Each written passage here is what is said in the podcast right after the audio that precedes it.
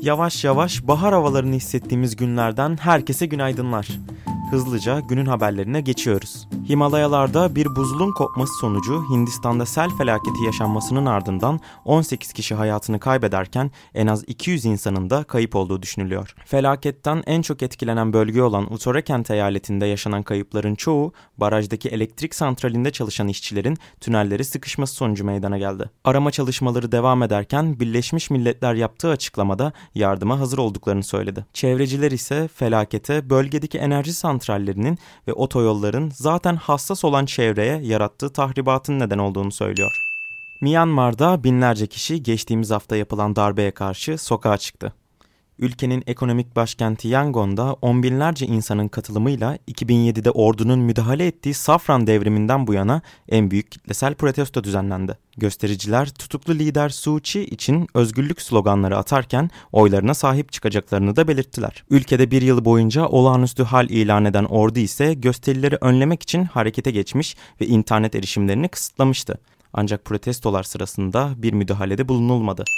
Küba, devletin kontrolünde olan çoğu ekonomik sektörde özel teşebbüslere izin verileceğini açıkladı. Bakanlar Kurulu'ndaki onaylamadan sonra Çalışma Bakanı Feito yaptığı açıklamada özel sektör faaliyetlerinin 2000'e çıkarıldığını ve sadece 124'ünün devlet tarafından sınırlandırılacağını söyledi. Kübalı bakan reformun amacının özel sektörü genişletmek olduğunu da belirtti. Aslında 2010'dan beri adada yetkilendirilen özel teşebbüsler şimdiye kadar yetkililer tarafından belirlenen bir listeyle sınırlıydı. Şu andan itibaren tam tersinin geçerli olacağı, artık devlet için ayrılmış sektörler için bir liste oluşturulacağı açıklandı. Ekonomi Bakanı Fernandes ise Twitter'da yaptığı açıklamada reformun adada istihdamı arttırmak için önemli bir adım olduğunu söyledi.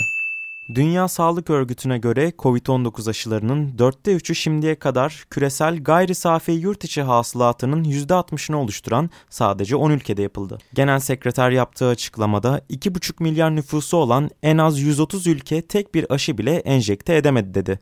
Ve virüsü her yerde ortadan kaldıramazsak mücadeleye en baştan başlayabileceğimiz konusunda uyardı. Küresel aşı üretim kapasitesinin arttırılması gerektiğini belirten örgüte göre ancak bu şekilde yoksul ülkelerin zengin ülkelere bağımlı olmasının önüne geçebilecek.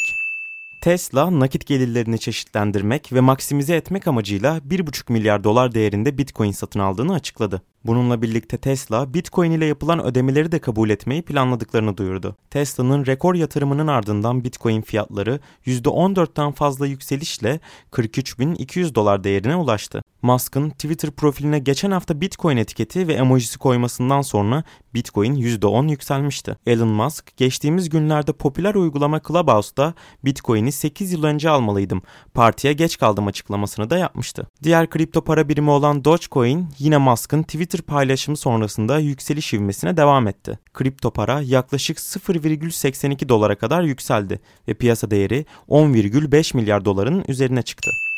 ABD'nin en dikkat çekici organizasyonlarından Super Bowl 2021'de kazanan ünlü sporcu Tom Brady'nin takımı Tampa Bay Buccaneers oldu. 43 yaşındaki Brady ise böylelikle 7. şampiyonluk yüzüğünü de elde etti. Brady'nin MVP seçildiği maçta Tampa Bay ekibi Kansas City'yi 31'e 9 yenmeyi başararak 18 yıl sonra şampiyonluk sevinci yaşadı. Florida'nın Tampa şehrinde oynanan ve 25 bin taraftarın alındığı maçta devre arası şovunda ise The Weeknd sahne aldı.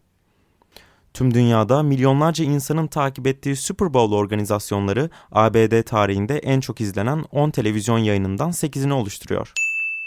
Pakistan'da bekaret testi tartışmasında yeni adımlar atılıyor. 2018'de Dünya Sağlık Örgütü tarafından bilimsel gerçekliği olmadığı açıklanan bekaret testleri ne yazık ki Pakistan'da tecavüz kurbanları için bir zorunluluk. Bekaret testi nedeniyle mağdur suçlayıcılığa uğrayan kadınlar üzerinde büyük bir sosyolojik ve psikolojik baskı bulunmakta. Ülkede yaşanan pek çok tecavüz vakası bekaret testi nedeniyle ihbar edilemezken Tecavüz mahkumiyet oranı ise resmi verilere göre %0,3'e kadar düşmüş durumda. Aralık ayında ilk önce iki parmak testini yasaklayan yeni yasanın yürürlüğe girmesiyle eylemlerinde başarı kaydeden Pakistan halkı bu sefer de 110 milyon nüfuslu Punjab eyaletinde bekaret testinin tamamen yasaklanmasını sağladı. Güzel haberlerle yarın sizlerle tekrardan görüşmek üzere. Kendinize iyi bakın, sağlıkla kalın.